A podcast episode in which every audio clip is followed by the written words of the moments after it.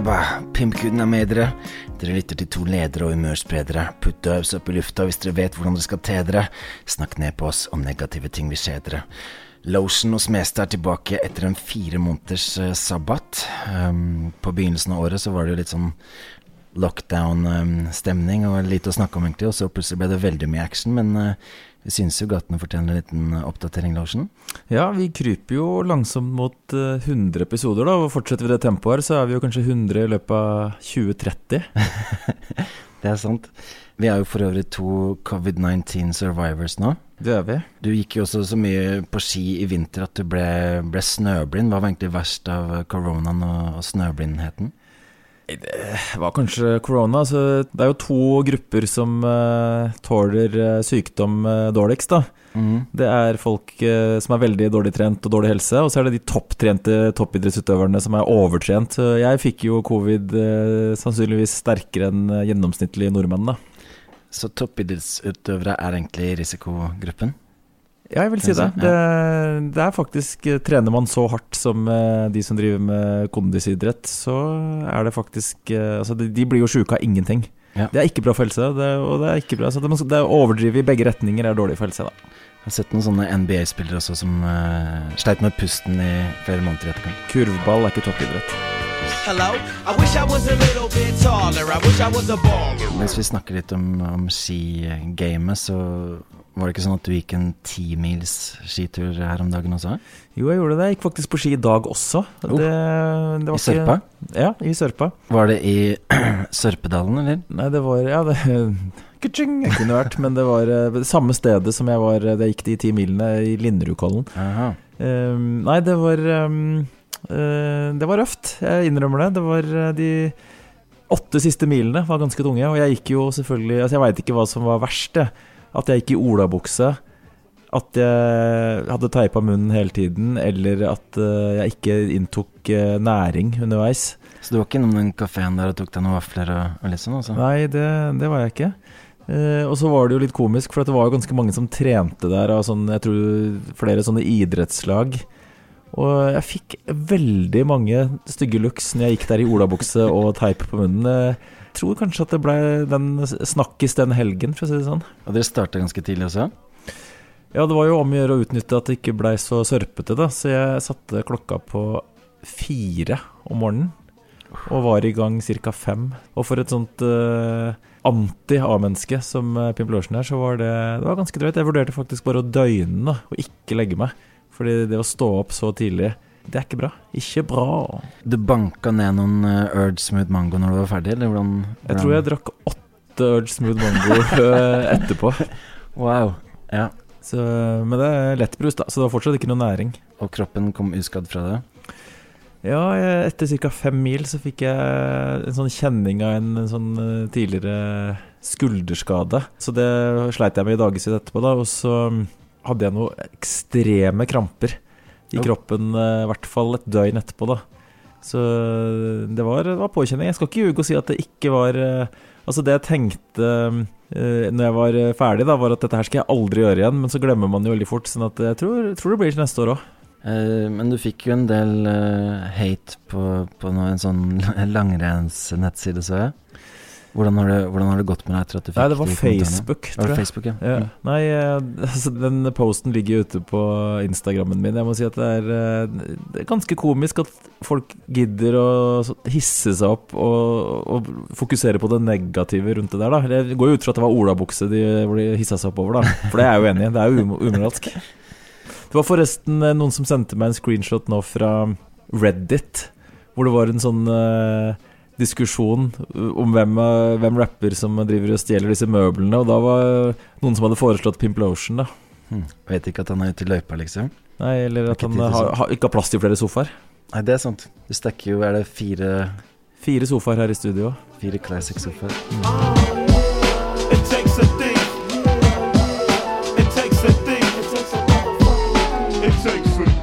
Jeg var forresten i en annen podkast som kom ut i dag med Wolfgang Wee, hvor vi satt og skravla i sju og en halv time. jeg så det. Dere går aldri tomme for å snakke om fasting og nesepust, altså? Nei, tydeligvis ikke. Og, og tiden fløy så fort at uh, det var på en måte Det var ikke meninga at den skulle vare så lenge, og jeg visste ikke Jeg la ikke merke til at klokka var blitt så mye.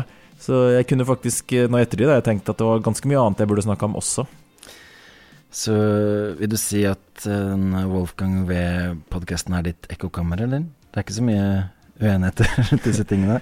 Hans oppgave er ikke å drive og skal sette folk fast eller noe sånt, det er jo bare å, det er skravling. sånn at Det gjelder jo litt våre gjester òg. Mm. Når vi har gjester her, så er det ikke sånn Målet vårt er ikke å være i opposisjon og prøve å gjøre det vanskelig for gjesten. Vi slipper jo, det er bare å slippe gjesten til orde, så får folk ta det som det er, da.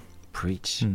Jeg har jo forresten, jeg vet ikke om jeg nevnte det for deg, men jeg og han Nico, han film- og ro-homien min, mm. vi har jo um, starta en ny podkast. Uh. Eller vi har snakka om det i årevis, da, men um, den heter Hva om? Første episode er da Hva om atomvåpen ikke fins? For vi, det var jo når vi møtte han Reidar Finsrud, uh, når vi var ute og spilte inn um, video til uh, hvem jeg var i safen. Mm. Og da hadde jo han dedikert eh, noen av rommene sine til forskjellige teorier, da, hvor en av de var at han mener at atomvåpen ikke fins. Så han er ikke så redd for Putin sine trusler? Nei, tydeligvis ikke. Dette er jo spilt inn lenge før eh, Ukraina-krisen. Og så var vi jo recorda det, og så har det bare ligget eh, Vi har ikke gjort, noe med det, da, for vi hadde Vi kontakta også en sånn eh, en kjernefysiker som skulle komme med tilsvar da, til Aha. eh, Og det, han fikk vi aldri intervjua pga. covid, men nå fikk vi intervjua han til slutt, så nå ligger da de to episodene ute hvor du har Reidar Finsrud på ene siden og han norske kjernefysikeren på andre siden, som uh, argumenterer da om atomvåpen fins eller ikke, da. Det høres gøy ut. Uh, hva var det den het, sa du? Hva om? Prikk, prikk, prikk? Spørsmålstegn. Uh. Så alle episodene skal være sånn Hva om atomvåpen ikke fins? Hva om hva, Mm. hva om det du har lært, rett og slett er feil, da? Vi får ta og poste noen links på den eh, Lotion hos Mestad-siden på, på Facebook. Hva gjøre det. Vi har jo spilt et eh, lass med, med konserter i år. Opplevd mye morsomt. Og for å feire at vi er back in business, så har vi også laget en liten jingle til dette faste segmentet der vi snakker om konserter. Skal vi fyre løs, Bjørn? Vi er alltid klar for showtime. Det er Lotionens mester. Hey, vi er alltid klar for showtime. Det er Lotionens mester. I begynnelsen av februar så gjorde vi det siste sånn restriksjonsshowet. Spilte på taket på Sten og Strøm. Det vil si det var jo offisielt restriksjoner her, men eh, det var ikke så mange som fulgte dem. Og vi merker jo litt at publikum begynte å bli mektig lei av sånn faste plasser og mm, bordsitting og, og dette greiene. Og det var ganske rowdy stemning der. Folk sto opp på bordene og Til og med en som røyka sigaretter. Dette er innendørsshow. ja, fyrte opp rett foran scenen, satt der og røyka. Og jeg tror det også var han som hoppa på scenen og havna i håndgemeng med en vakt der også. Så det var ganske ville ting. En annen kar som også så ganske sånn sterkt beruset ut, hadde sånn massive svetteflekker under armene på skjorta og sånn. Han lurte seg også opp på scenen, og øh, husker du at han begynte å gjøre sånn backflips? Ja, Han missa vel litt òg, gjorde han ikke det? Jo, jeg tror han kunne lett truffet oss der, tror jeg. Mm. Ja, stemningen var kaotisk, men Men, det var gøy, da. Det var veldig gøy. det var helt gøy. ekstremt god stemning. Var det jusstudenter, var det det var? Eh, Jeg husker ikke helt Nei, hva det ikke der var for noe. Vi har jo vært på taket så mange ganger at det er Mm. ikke så lett å huske. Jeg tror det var en annen gang det var Justesenteret, så var det veldig bra. Og Morgan Solere hoppet også opp på scenen. Han eh, skjemmet seg ikke bort, men han gjorde det i hvert fall høyt over Oslo sammen med oss. Han tok ikke noe backflip. Men backstage så, så var det jo en litt sånn uh, spesiell episode. Jeg vet ikke om du husker hun eh, litt sånn ufyselig fulle dama som kom der? Husker det så vidt. Jeg tror jeg har fortrengt det. Ja, det var uh, en litt sånn oppmerksomhetssyk dame som kom inn der, og da sto vi og snakka med Solele og han produsenten som het noe sånn Jay Stanley eller noe sånt. Mm. Så tok hun da tak i tennisracketen din og begynte å slå han i hodet med den flere ganger. Det fikk jeg ikke med meg, faktisk. Og fortsatte etter tilsnakk. Så jeg, jeg hissa meg litt opp på henne. Og hun rappa også en av mikrofonene, og heldigvis så ble hun eskortert ut av en vakt etter hvert. da. Men, eh, Nå, nå var jo ikke dette sånn klassisk uh, metoo, men eh, det som eh, vi har på en måte opplevd en del, er jo det at eh, den metoo-debatten som herja i noen år, den, Den gjaldt aldri mot kvinner. Fordi det ble det aldri en debatt om hvordan en del jenter oppfører seg helt ufyselig i, fylla mot menn. da Det slipper de veldig billig unna. Det er også litt sånn fulle damer som ikke vet helt hvordan de skal ta kontakt, eller noe sånt. Bare det kommer bort og rapper solbrillene eller et eller annet. Det er uh, stap it. Kan du høre litt, uh, høre litt av lyden fra, fra det her? Mm.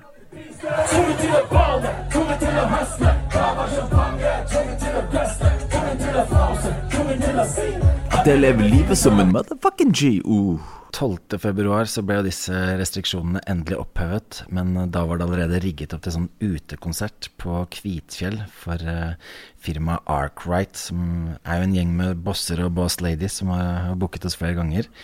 Og eh, du hadde jo en litt sånn morsom entrance til den konserten, Pimp. Det er jo en del Jeg har jo flere følgere på Strava snart enn jeg har på Instagram, sånn at det er jo ganske mange som uh, har fått med seg at jeg går en del på langrenn. Og da var det sånn at du tok vel de to første låtene hvor jeg ikke er med. Og da var du ute og faktisk gikk i løypene også, Da gikk jeg langrenn med teipa igjen munnen, da. i fullt utstyr. I fullt eh, Ja, i sånn dong, trikot. Og så uh, entra jeg scenen i, skiutstyr. Ganske, ganske morsomme greier. Og, da, og der var det faktisk mange i crowden som hadde teipa igjen munnen. det stemmer, det. det. Det skjedde faktisk når vi ja, kommer til noen andre shows etter hvert også, men det, det er blitt en ny, en ny greie. Det var jo da ute, var ganske kaldt, og det begynte å snø. Og ble ganske glatt på scenen også, spesielt for karer som hadde på seg skisko, kan jeg tenke meg. Ganske crazy. Og så kom jo folk opp på scenen og sånn i baris.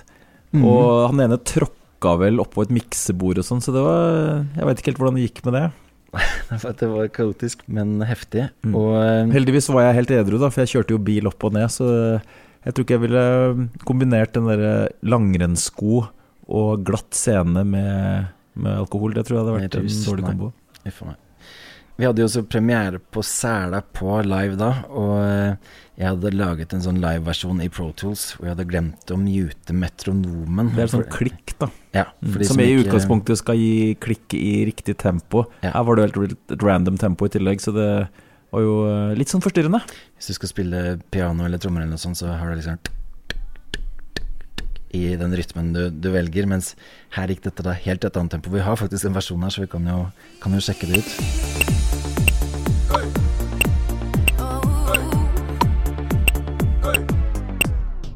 Ikke, ikke så vakkert eh, det der, men heldigvis så var det sånn ganske lav lyd, men høy stemning. Og når crowden ropte med på hooket, så, så hørtes det ganske bra ut, men ellers litt sånn distraherende. Vil du si det.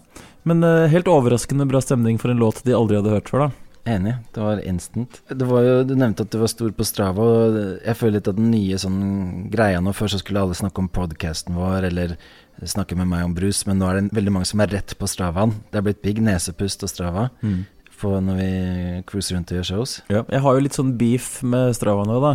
Fordi at eh, jeg har jo hatt en sånn policy at de som følger meg, så følger jeg dem tilbake. For jeg, ingen er så joviale som Pimpo den orale.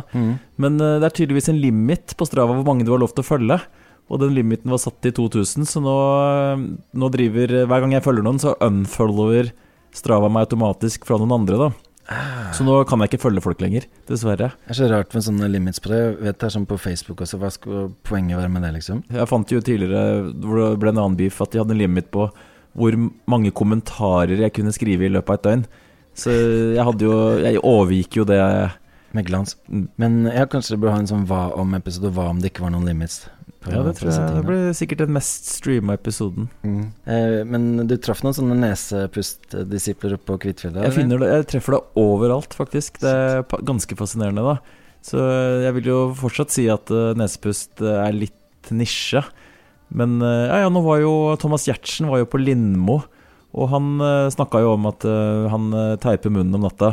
Og da var Lindmo Å, Thomas, du finner på så mye rart! Men det er jo det er old news, da.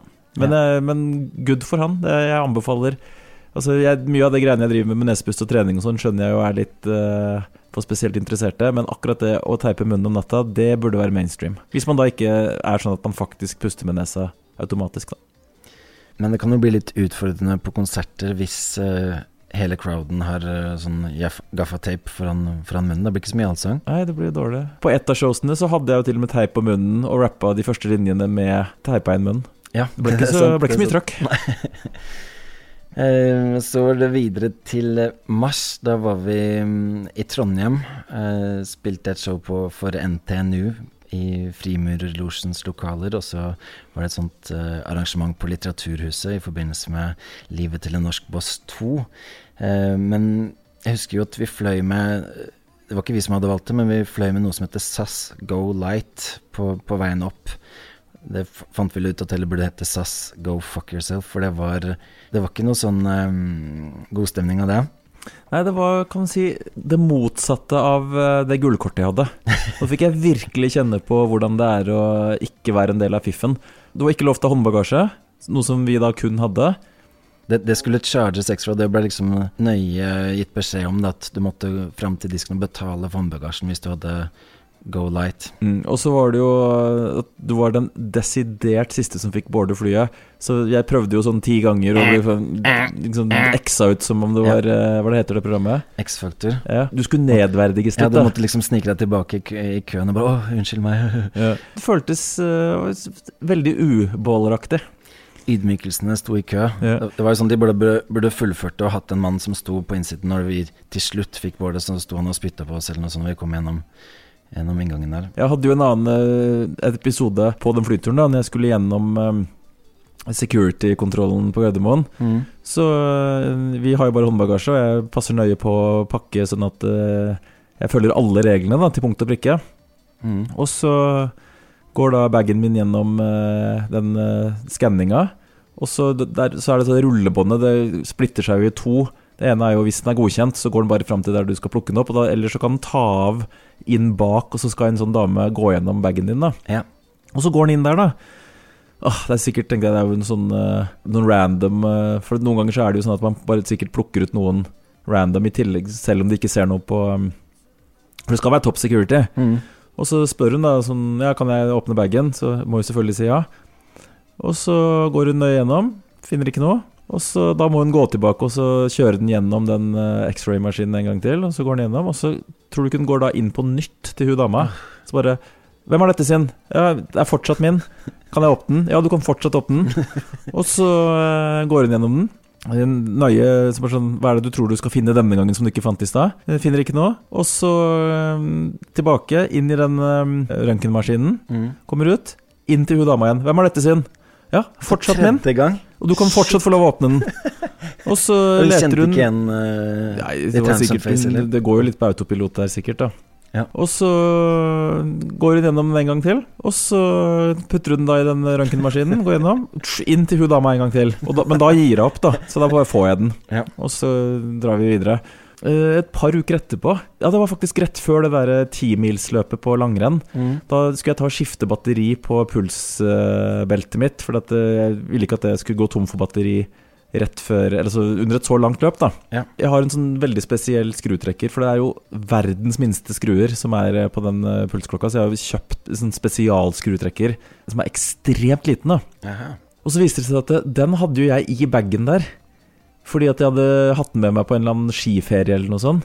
Så det er den skrutrekkeren. Den var så, så, liten jo- at hun ikke Hun fant den ikke, men den var liksom, det var som å ha med en kniv. da Ja. Så hun ga opp til slutt. da Men det var passe komisk at jeg var jo sånn superoppgitt, og sånn men så viste det at jeg hadde jo med meg noe ulovlig hjemme på flyet, og det var den eh, skrutrekkeren.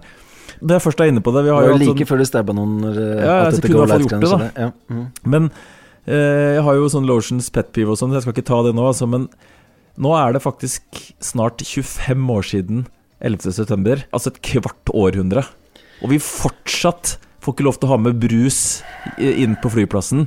Hvor mange sånne terroraksjoner er det med fly årlig? Det er jo ikke spesielt mye, det er ikke et stort problem. Og det var ingen som brukte brus på 9-11. De brukte faktisk tapetkniv, altså aka de brukte en sånn skrutrekker som jeg eh, til slutt fikk med meg gjennom her. da Mm. så det har gått et kvart århundre, og vi fortsatt får ikke lov å ta med oss eh, selv en cola inn på Altså, hva er dette for noe opplegg? Er det Det bare for at man skal kjøpe, kjøpe brusen på nytt inn når man kommer innenfor Ja, det må jo være noe sånt. Skal dette foregå i hundrevis av år framover i tid, liksom av den ene terroraksjonen for eh, et kvart år siden? Jeg husker jeg leste at de skulle slutte med det Ja, for det tre-fire år siden. Ja, så kokte det bort. Mm. Det er det er, det er noe piss. Er du enig? Jo, Ja. Jeg har muligens noen mer rants etterpå, bare så det er sagt, men fall, det var en sånn mini-rant nå, da. Mm. Eller eh, vi kan jo spole til neste rant, kan vi si. For eh, når vi skulle til Trondheim, så hadde jo da Litteraturhuset booka meg til et hotell, som var eh, det fasjonable Britannia hotell. Eh, hvor det er sånn rød løper, blir tatt imot av en play, flosshatt og veldig god service og sånn. Mens studentene hadde da booka hotellrom til deg på et annet hotell, og det, det var vel ikke like fasjonabelt, eller? Nei, jeg vil påstå Jeg snakka faktisk med Mats Hansen og det hotellet du bodde på. Det er sånn Når han er i Trondheim, så drar han på det, og gjerne betaler ut av egen lomme det ekstra. da Og reiser opp tidlig, så han kan være der hele dagen. For det er jo sånn spa-avdeling og, og med det boblebad sånn og is, kuldekulp og ja. treningssenter og Så det er rett og slett sånn at eh, ja, det er virkelig verdt å Det er en egen opplevelse. Du brukte jo ikke så mye av det, tror jeg. da Nei, det var jo riktignok en god champagne i minibaren der, da. Ja, for du er jo Så- ikke fra Oppsal, så Nei. du bruker minibar. Og den, men den bitte lille mikrosjampanjen kosta vel sånn 800 kroner. Ja, det var noe sånn 560 eller noe sånt.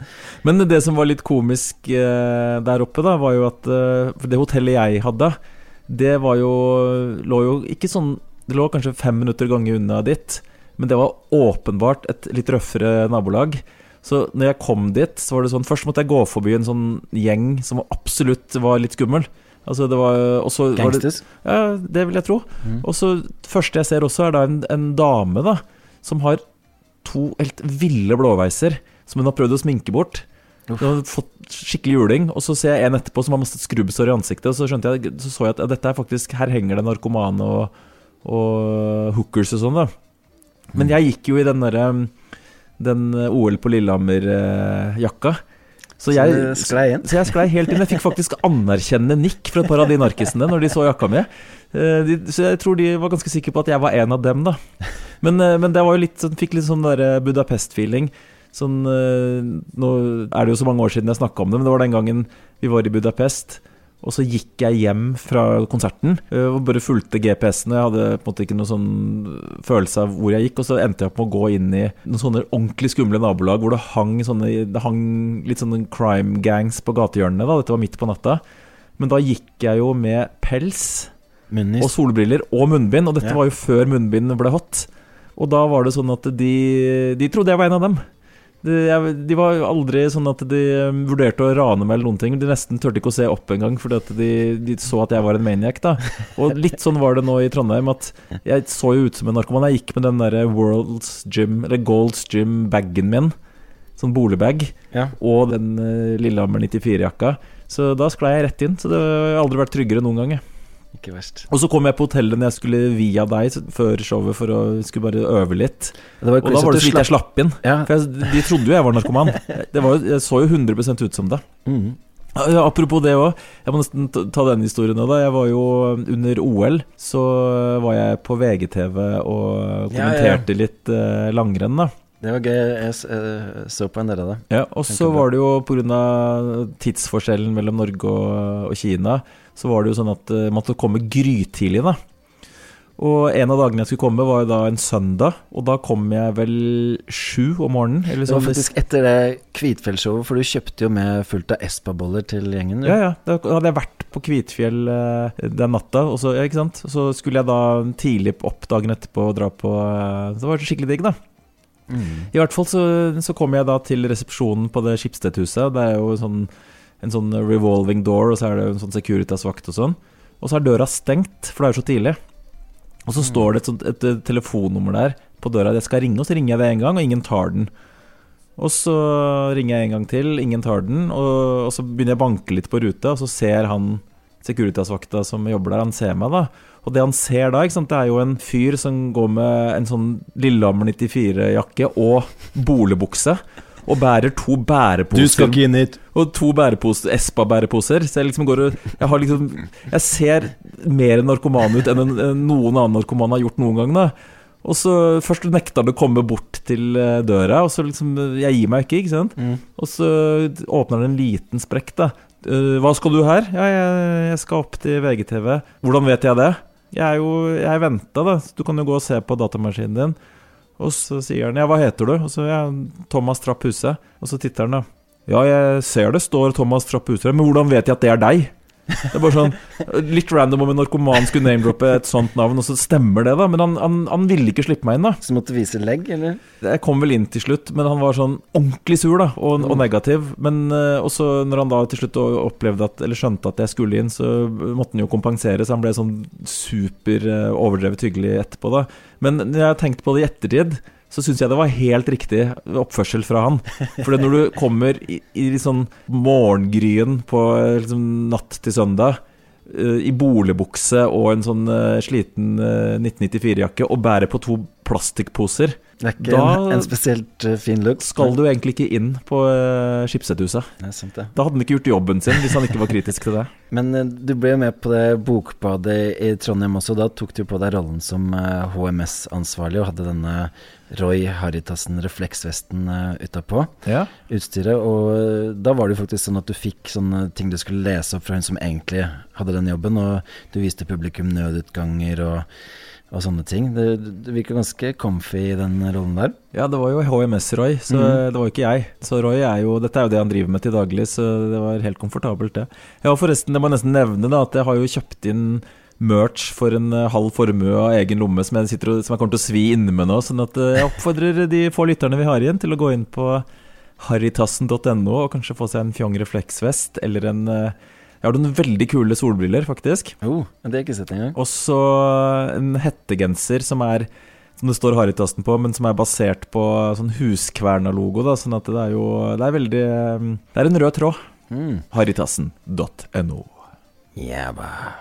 Ja, det var jo ikke smekkfullt på Litteraturhuset der, men må gi en stor skjæra til de som kom. Det var jo Bangstad, en av våre favoritter, og gjengen hans dukka opp, blant annet.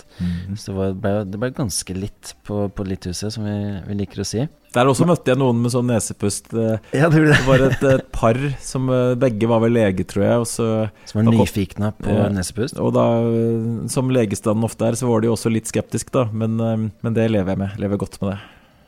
Og tilfeldigvis så skulle vi spille da kanskje 30 meter borti gata på det Ja, det var tvers over gata omtrent, var det Ja, ikke det? det var, det var pimpkuden Pimpguden trakk i trådene. og Det var på det var, eh, derre Frimurer-lotion-bygget, da. Mm. Og det, man fikk jo litt sånn eh, kirkevibes av eh, scenen der med Er det ornamenter det heter, og sånn oppi taket der, og eh, pompøse lysekroner og Stukatur, heter det. Ja, kanskje det er det. Eh, men ja, det, det var litt sånn church-aktig PG-vibes.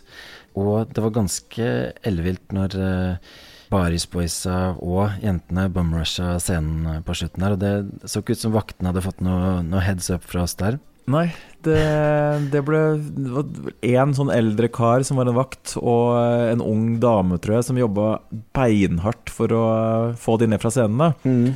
Og vi hadde jo på en måte blitt litt rustne, så vi, egentlig så burde vi si fra. Det glemmer vi nesten alltid, men vi burde si fra til arrangør at under baris så er det vanlig at eh, det kommer en del baristaer opp på scenen. da. Og så hadde jeg litt sånn kommunikasjon med henne etterpå, hvor hun sa at ja, men grunnen til at vi, vi eh, var så strenge, var at vi var redd for at noen skulle falle ned fra scenen og sånn. Og så jugde jeg at ja, men det har alltid gått bra. For jeg vet ikke om du husker på John D. Så var det en fyr som datt ned og slo hodet og blødde all over the place. Sånn at det går ikke alltid bra. baristen. Mm. Ja, jeg husker det. Han falt i en monitor eller noe sånt. Eh, Eller det gjerdet, eller jeg vet ikke hva han gjorde, men det ble i hvert fall eh, Det ble rett Man måtte sy. Garantert. Vi måtte jo kjøre baris to ganger der også, for det var jo helt klin kokos stemning. Kan du høre på dette her?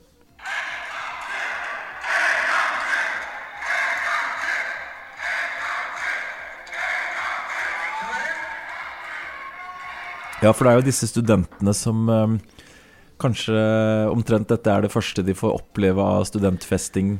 Kanskje de har vært studenter i to år, da, Ja. og har ikke hatt eh, noe festing før nå, eh, plutselig, når ble, restriksjonene ble oppheva. Så har vi har jo kjent på det at nå er det eh, Nå er feststemningen sånn undertrykt, og nå Mm. er det ekstra sterkt behov for å utagere. Var sultefòra på parties, disse folka oppi der, altså. Mm.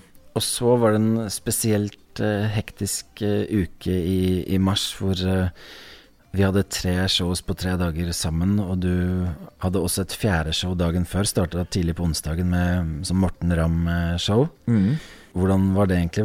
Det var en, en sånn live podcast med litt HT-innslag? Ja, det var jo sit-down, da. Og jeg vet ikke om eh, Vi har vel snakka om det der vi gjorde med Else Kåss Furuseth og eh, Markus Neby, det i Moss. Hvor det var en sittende crowd, og gjennomsnittsalderen var eh, 70. Ja. Og veldig, veldig lav lyd. Det var vel um, ikke kanskje så ille, men det var ikke langt unna.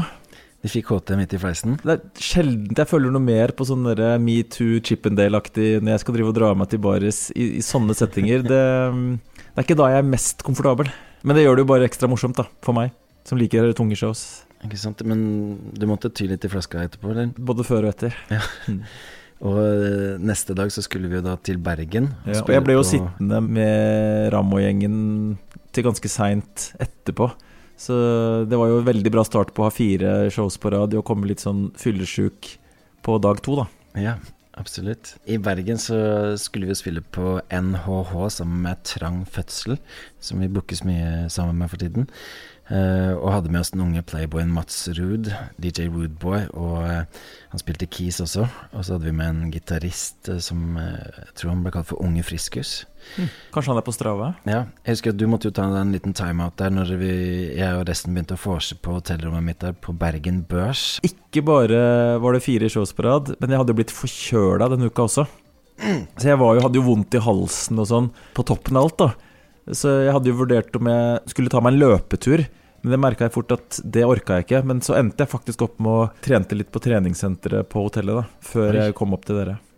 Ikke verst. Mm. Og ja, da, da hadde jo han The Pug tok med seg noe sånn naturvin som faktisk eh, jeg likte. Det var, var ikke de sure greiene som eh, Aron pleier å dra med seg i jula. Uff da. Sist gang jeg drakk naturvin, så fikk jeg migrene i en uke.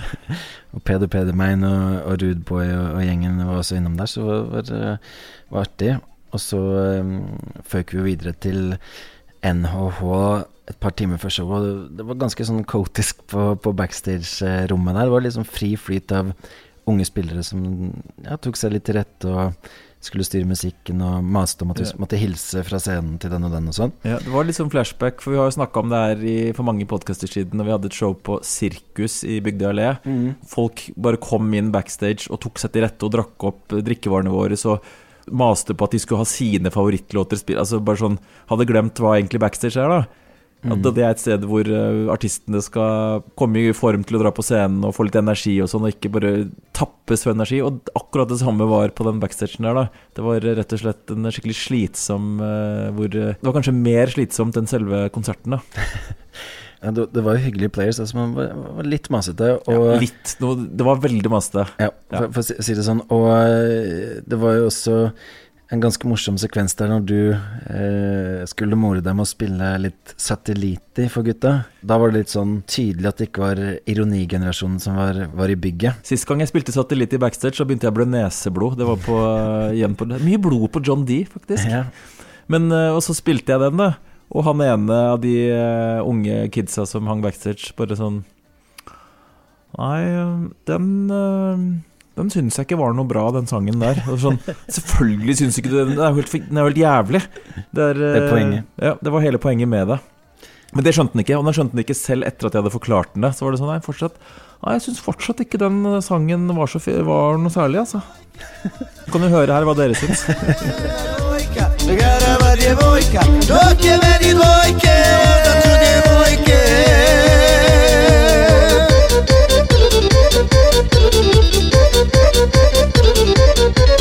Det er vakkert. Mm, ja, det er smellvakkert, altså. Eh, Jeg har egentlig lyst til å lage en sånn collab med satellitter, men jeg tipper det blir dyrt, for at de, de er megastore i Bosnia, eller hvor de er fra, da. ja. jeg, jeg skjønner ikke hvordan jeg, vi kan lage sånn musikk ellers, så det må liksom komme fra dem. Ja, det blir vanskelig. Det mest eh, kritiske som kanskje tappa oss for mest energi backstage, der, var jo at det var noen der inne som slapp noen sånne kjernefysiske fiser. Ja, det Og er da det måtte det jo evakueres opptil flere ganger der. Ja, nei, det var eh, Det hjalp ikke å gå ut av rommet eller noe sånt, for uansett hvor du gikk, så lukta det like sterkt. Så det, det var umulig å, umulig å stikke av, umulig å rømme fra. Og jeg som driver med nesepust, eh, det, det gjør jo ikke sakene bedre. Ja, det er sant. Da burde du Det er plassert gaffaen over nesa. Det er faktisk en av de Altså, jeg driver jo konsekvent med nesepust, men eh, unntaket er når jeg går inn på offentlige toaletter. Så switcher jeg til munnpust. Ja. Og da føler jeg meg så skitten, da. For at når man er uh, vent til nesepust, sånn og man alt filtreres på en måte gjennom eh, systemet, da, så føler jeg at det er sånn ren inhalering rett ned i lungene. Det føles så galt da å gå inn på sånn skikkelig ekkelt drittsted og så og puste med munnen, men eh, jeg må bare gjøre det. Har du fått noe bedre luktesans av all nesepustinga, eller merker du noe til det? Jeg, jeg, tror ikke du får noe bedre luktesans enn meg. Fordi at når man driver med fasting og sånn, så blir man som en varulv, da. Det er en av de tingene som eh, skjer når du faster. Så jeg kan jo gå inn i eh, en oppgang, og så kan jeg lukte hva de forskjellige har til middag, eller jeg kan lukte hva du spiste i forgårs, liksom. Så at, eh, luktesansen min er allerede altfor god, da. Er skjerpa? Man blir som et rovdyr, på en måte at jeg tipper det er en sånn naturlig eh, kroppslig funksjon. Da, at da skal du ut og jakte, og da skjerpes alle sansene, da. Mm. Men, eh, men selve showet på NHH var jo veldig, veldig vakkert. Da. Vi må igjen skjære til den eh, crowden der, og spesielt til han trofaste supporteren vår, Bola Andy, som hadde, hadde flydd inn for anledningen. Han var sikkert eh, ikke sånn Hva het den billetten vår? Go Light? Go fuck yourself. Ja, det, go, ja, det var det. Mm. Mm. Eh, Men der var det også en del nesepust, eh, gaffatape å se på eh, i crowden. Er det overalt?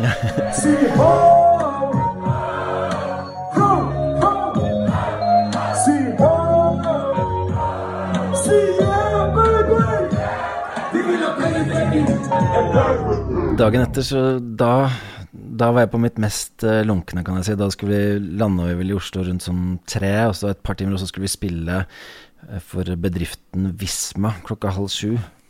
Da var jeg sånn litt usikker på om det kom til å gå. Fikk meg en liten timeout, og så var det back in the game. Jeg har jo påstått at jeg syns det er like gøy å spille edru. Men det er et spill for galleriet. Ja, men dette var jo Oslo. Det var på en måte en fire minutter taxitur unna, eller jeg kunne hva som helst, jeg kunne omtrent gått ned, da. Men dette viser jo hvor langt unna vi er å kunne bli alkoholikere. For da hadde jeg drukket to dager på rad, og det var bare sånn Det er ikke snakk om at jeg orker, da. Så da øh, valgte jeg jo å ta det uten å røre noe alkohol. Fordi jeg rett og slett bare Mer enn to dager på rad, det går ikke, da. Nei, jeg tok jo noen for laget der. Det var ikke særlig fristende, men uh, måtte komme meg litt i form. På Visma der, det er jo øh, ganske spesielt at det er så mange hardcore supporters som jobber i akkurat det firmaet. Eh, møtte jo blant annet en sånn eh, player fra Rælingen, husker ikke helt hva han het, men som han mente det var som å møte Tupac da han, da han hilste på meg. Og uh, han fortalte jo at hans favorittartister var, var oss og Tommy T. Så det, det var en sånn Jeg tenkte du skulle si oss og Tupac, jeg. uvanlig combo. Ja, for det hadde vært litt rart med Tupac, for han er jo East Coast. Ja. De hadde jo vært veldig flinke til å ordne raider og importbrus og sånne ting, da. Mm. Og der fikk jeg sånn Fritzel-cola uten sukker. Aha. Eh, rett ut av Fritzel-kjelleren. Vi spilte jo sela på igjen der, og det, det funka også bra, for det er på type sånn afterski-tema på den festen der. Jeg har spilt på det før også, og jeg syns jo det er litt sånn blanding av flaut og, og gøy å spille den, spesielt refrenget som er så corny og harry. Mm. Hva slags følelser har du rundt det når vi drar den? Det jeg husker derfra Jeg lurer på om jeg hadde Hadde jeg fått en eller annen kink eller et eller annet? For det er sånn at jeg uh... Det hadde du garantert, for du hadde jo på deg kondomdress da også, den sitter ganske Jo, men jeg, jeg lurer på For jeg kunne ikke hoppe, skjønner du. Så jeg Ja, lurer på om stemmer det var et eller annet jeg hadde pådratt meg eh, Jeg husker ikke hva det var, men jeg hadde i hvert fall en eller annen skade igjen, da. Som gjorde at eh, jeg rett og slett um... Det var Nei, kneet var det! ja, Hva var det jeg hadde slått? Jeg hadde slått kneet borti et eller annet. Det var jo garantert den plassen som du fikk på SAS uh, Go Fuck Yourself på veien tilbake, hvor du satt rett ved doen, og sikkert da satt i en sånn vridd stilling for å komme deg Helt siste fra rad doen. på flyet. Den raden ved siden av var borte, for det var da toalettet. da Å sitte der med nesepust og så bare få sånn direkte omtrent inhalere luften rett fra dassen. Det var go fuck yourself. Jeg, jeg tipper at du satt sånn skeivt sånn at du både fikk kink i nakken og at du liksom skada kneet, for du måtte kjøre den inn i setet Ja. foran Jeg klarer ikke å huske hva det var, men jeg hadde rett og slett slått kneet Nå kom jeg på det, Jo, du var nå- på scenen i Bergen Ja, det var der. på scenen i Bergen. Da. Det var jo Bergenshowet vi kom fra. Mm. Da hadde jeg hoppa ned foran scenen, og så driver vi og liksom gitt sånn eh, high five og, og sånn mingla med publikum, da. Og så skulle jeg hoppe opp igjen, og så var scenen akkurat litt for høy. Sånn at istedenfor å hoppe opp og så lande på foten, så uh, satte jeg kneet på scenekanten. Og jeg tror jeg rett og slett jeg satte den på noe sånn, en spiss ting eller noe sånt. Og jeg gjorde det to ganger. Det var som rekesalat, liksom. To ganger! uh, og da, men da var jeg jo varm og sånn. Men, men jeg fikk jo ikke sove den natta, for at jeg gjorde så vondt i kneet. Og dagen etterpå kunne jeg ikke gå, nesten. Det var det. Og da på den Visma-konserten så hadde jeg da Jeg kunne nesten ikke gå, da. Det var det det var. På det Visma-showet så spilte vi også Begynte på bunnen, og så begynte vi å se på hverandre under At det mangla litt på sånn. Dette tar jo aldri, hva er det som skjer her? Og så viste det seg at jeg hadde da øh, gjort dette på dropboxen på vei fra Bergen, bare satt sammen showet, og, og da valgt en sånn liveversjon fra Sentrum Scene som var uten uten kick og Altså uten trommer, for at vi skulle ha trommis. Ja. Kanskje det ikke var gitar Det er kanskje ikke gitar på den. Nei. Det var i hvert fall en veldig tam versjon. Mm, så det tok liksom aldri altså, Når vi har det der på sjøen Én, to, tre Og så ble det like tamt, Men Men siden det var så bra stemning, så tror jeg ikke folk egentlig merka det. Men vi merka det. ja, nei, man hørte hørt publikum ekstra godt, da, i hvert fall. Men uh, ja, litt, litt merkelig.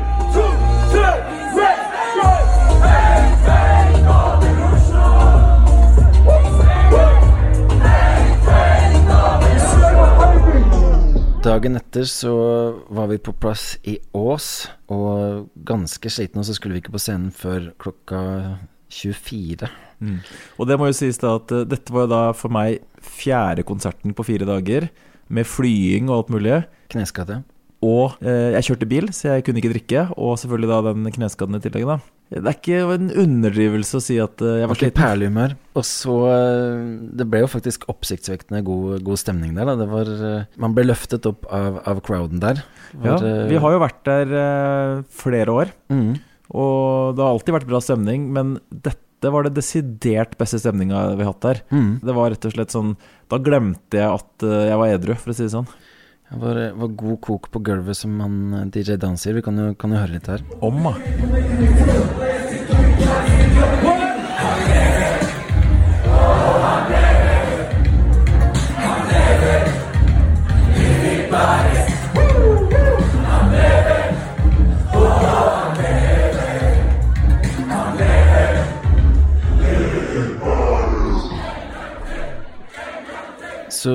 Jo inspirert til å gi det siste vi hadde av eh, energi på, på scenen, og så snek vi oss ned Tok vi et ekstranummer? Jeg tror vi tok bare i senga til. Jeg tror vi gjorde det, Ja. som vi egentlig aldri gjør. Mm. Og så dro vi backstage igjen, og da var det sånn Ok, vi får bare sette oss ned, få et pust i bakken, kanskje sitte her i to minutter Før vi skal kjøre tilbake, og så bare banker det på døra. Og så er det tre karer som, eh, som ikke spør om de kan få lov til å komme inn backstage. Det er sånn «Åh, Fett, liksom! Og bare slår seg ned. Da. Så setter de seg ned, og så er det jo kjempehyggelige karer. Men vi ender opp med å skravle med dem i kanskje en time, da. De var jo vaskeekte Strava Boys. Ja, Det var jo i utgangspunktet at jeg egentlig trengte å komme meg hjem, men så de fikk pizza og fikk eh, kose seg. Og så Så kom det en, en jentegjeng en der også. også. Mm. Eh, Så vi satt jo da i ja, Vi satt sikkert en time backstage og var megajoviale og skravla og holdt det gående med disse. Og det, jeg følte at det var litt sånn på trass, ettersom at jeg hadde hatt fire shows på rad og var egentlig ganske sliten. Og det å tyne ut den ekstra lille saften av Jaffa-caken der, det, det tror jeg ikke mange andre hadde gjort. Mm, må, jeg- må jeg skjære at hun jenta som gikk med en sånn topp som hun hadde limt på noen bilder, og så pekte hun liksom så Ja, hm, ja hva, hva er dette, liksom? Nei, det var bilder av venninna hennes som het Nada. For da kunne hun si at på overkroppen har jeg på meg Nada. Smart. Preach. Men det var veldig hyggelig. Ja.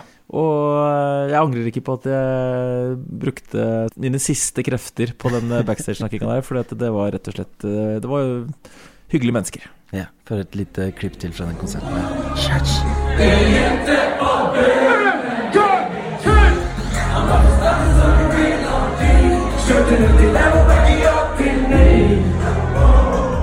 Og så eh, spilte vi på MS Bjørvika i Oslo.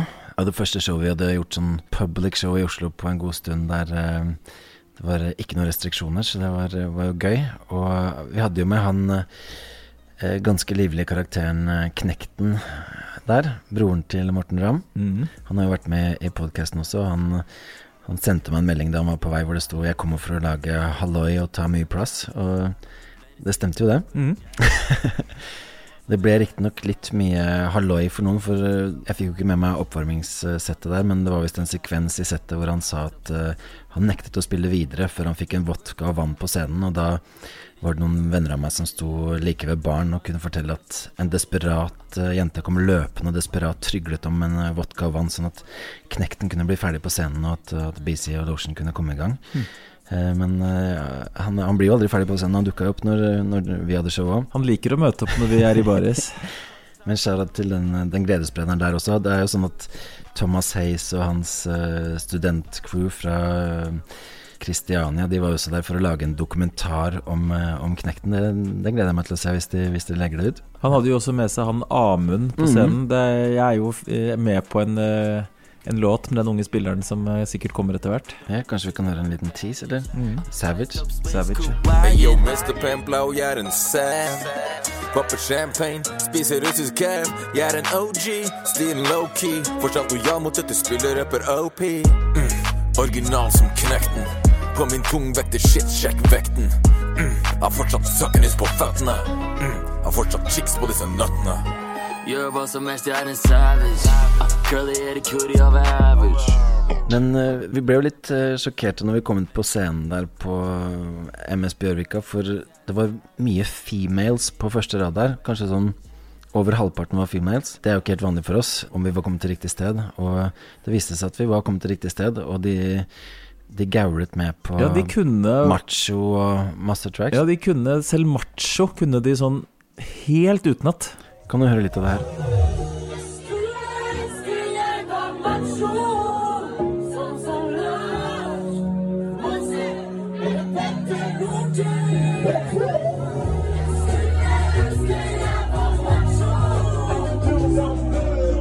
Ja, men det var, det var vakkert. Absolutt. Eh, honnør til dem. Eh, det var, var jo en del nye fjes der etter pandemien, og selvfølgelig også en del sånne validerte veteransupportere.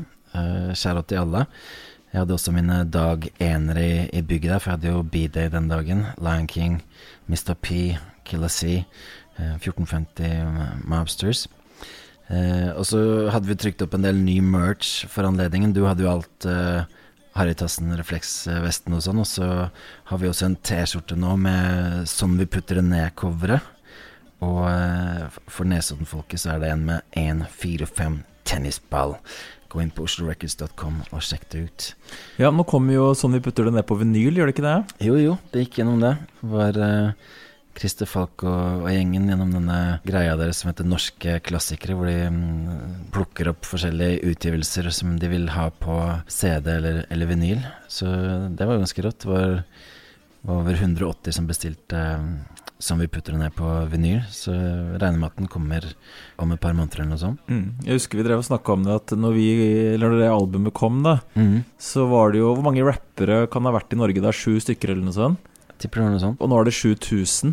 Så det har skjedd et eller annet. Jeg vet, hva kommer det til at det er så innmari mange rappere nå den, i sammenlignet med for uh, når det kom, tror du? Ganske enkelt å, å vise seg fram nå da, med sosiale medier og SoundCloud og sånn, men det var jo ikke like mange på gutterommet heller på den tiden. Var, var, rap var ikke så big, rett og slett, som nå. Nei, men det var jo big Folk likte jo rap. Det var jo ikke sånn at det var tusenvis av popgrupper heller, så det, det vil vel påvirke litt kvaliteten, tror jeg, at det der alle og bestevennen deres skal bli rappere, da. Det tror jeg. Det er i hvert fall sånn at rappere må jo ty til å stjele litt møbler og sånn for å få ting til å gå rundt, siden det er så mange, da.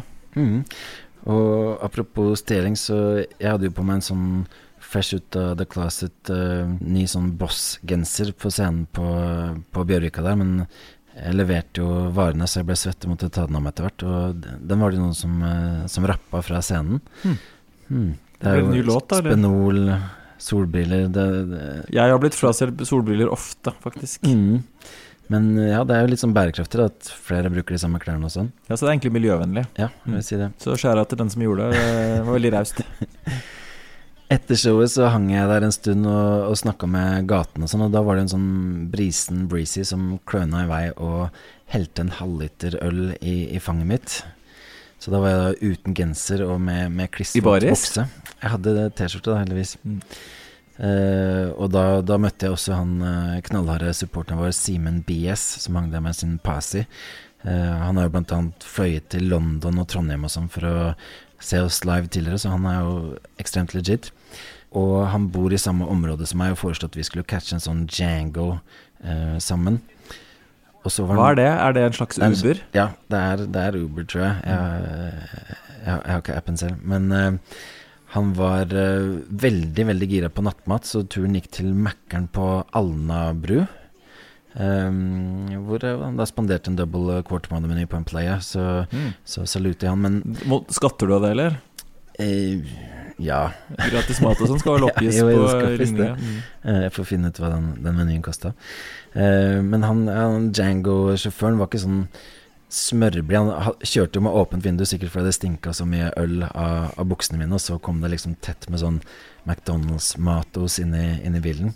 Var ikke, var ikke drømmenatten Og han, og han Simen ville jo at dere skulle spise ja, Dere gjorde det kanskje òg? Spiste inne i bilen? Nei, det, nei, det ble satt ned, satt ned foten. Ja, Hva den spiste dere inne på eh, McDonald's? Um, jeg kan bare svare for min egen del at jeg, jeg spiste da jeg gikk ut av bilen. Hjemme? Meg, Eh, jeg spiste faktisk gatelangs. Ja. Det er også en, en sånn bra look. Ja, Å gå og spise. Jeg tror du også hadde sklidd rett inn i dette narkomiljøet som jeg er blitt en del av. det. Det kan være, altså. Men har ikke du en sånn, en sånn pizzabuss rett ved deg? Ja? Jo, men dette var jo sikkert to om natta eller noe sånt. Ja, den burde, det er da den burde være åpen. Ja, enig. Nærmest eh, slutten av disse showene med et, et par til. Du nevnte jo Metoo i stad, og vi, vi spilte jo et bryllup på Øverland gård. Der var det jo også en del sånne legit eh, players i, i bygget. Han eh, godeste Fredrik Madsen og eh, han, han ene spilleren fra Askeladden og sånn. Mm. Men det var også noen sånn litt sånn um, sprengkåte budeier der. Ja, det kan, kan man si.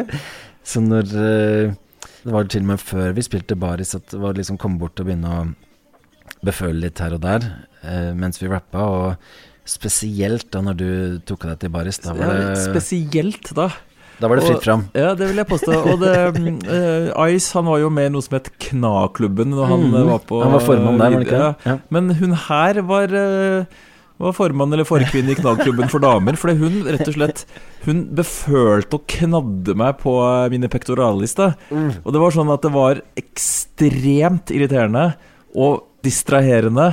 Og hun også hang på disse to sånne store høyttalere som står på stativ, så han DJ-en måtte løpe og så redde dette stativet. Og hun bare Altså, dette var carte blanche på å liksom drive og klå på meg, da. Og det er sånn der, Apropos sånn metoo igjen. Man kan prate om at ja, menn gjør ditten og datten på damer, men ingen mann på en konsert gjennom historien har kunnet gå fram på en eller annen kvinnelig artist og stå og kna henne på puppa, liksom, helt uh, åpenlyst i flere minutter. Uten at det, altså det er bare sånn Det her var 100 ganger drøyere enn noen mann har gjort på, på en kvinnelig artist. Da. Men dette slipper de unna med. Det var, det var intenst. Du har ikke anmeldt, eller? Altså Jeg driter jo i det, bortsett fra at det var 100 distraherende og vanskelig å, å framføre det. da Men det er liksom sånn Hvordan tror du de kan slippe unna med en sånn eh, Tenk om Maria Mena sto og hadde konsert, og så går jeg bare bort og så begynner jeg å kna puppa hennes skikkelig hardt, liksom. Mens hun synger, og så fortsetter hun å synge. Fordi at uh, the show must go on. Det hadde aldri skjedd.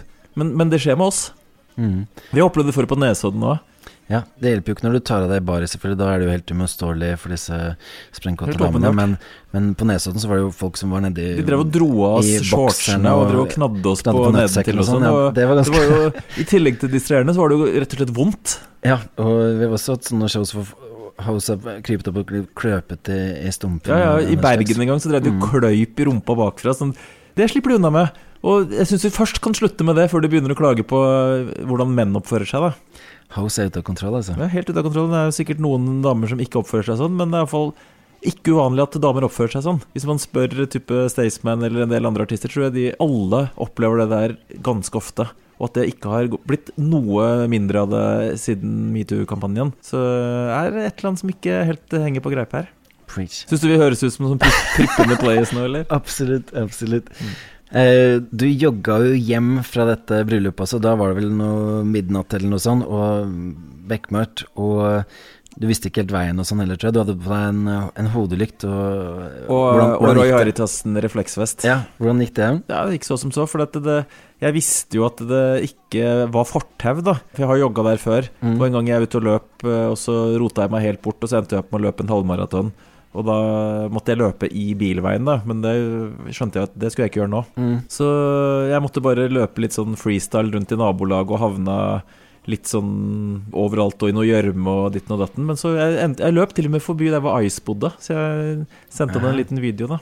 Men det blei da litt over en mil hjem, da. Ikke verst.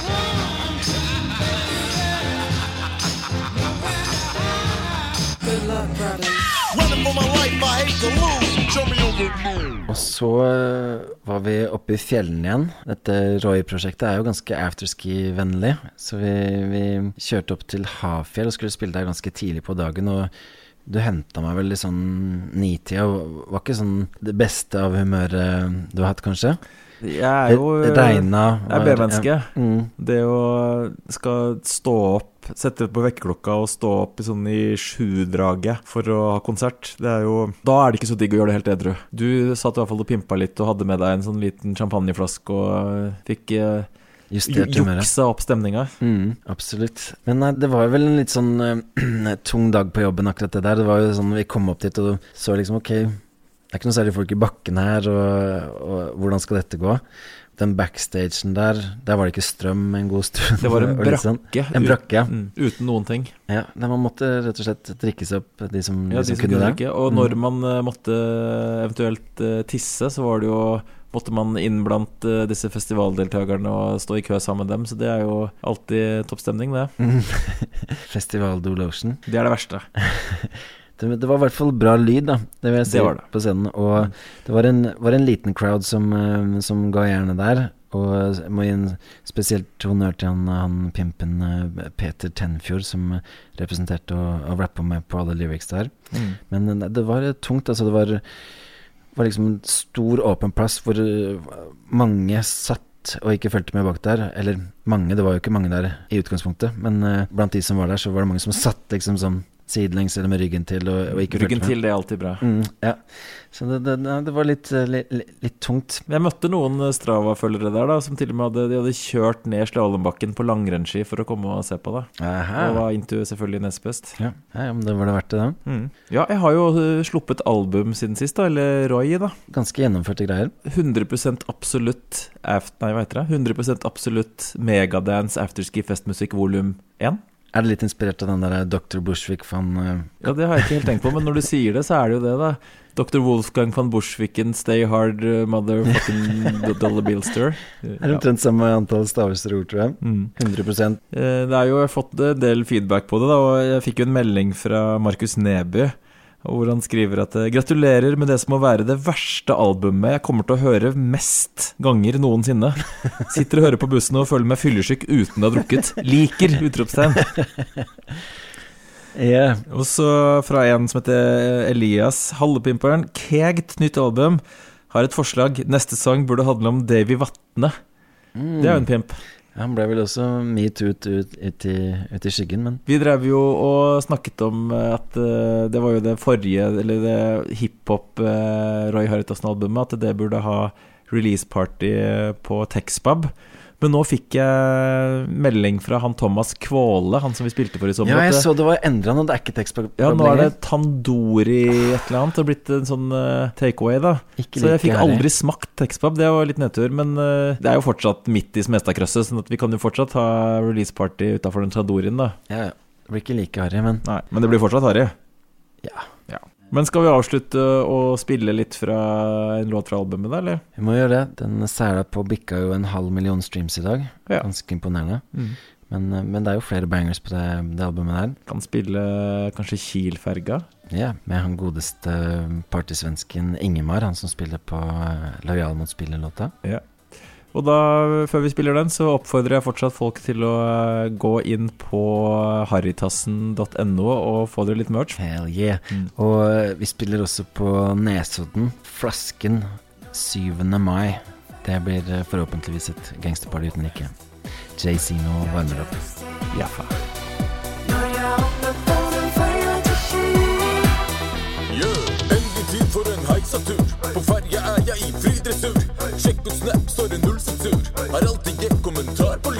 Jeg rundt, men er null forvirra. Jeg jakter alltid på kjeks og birra.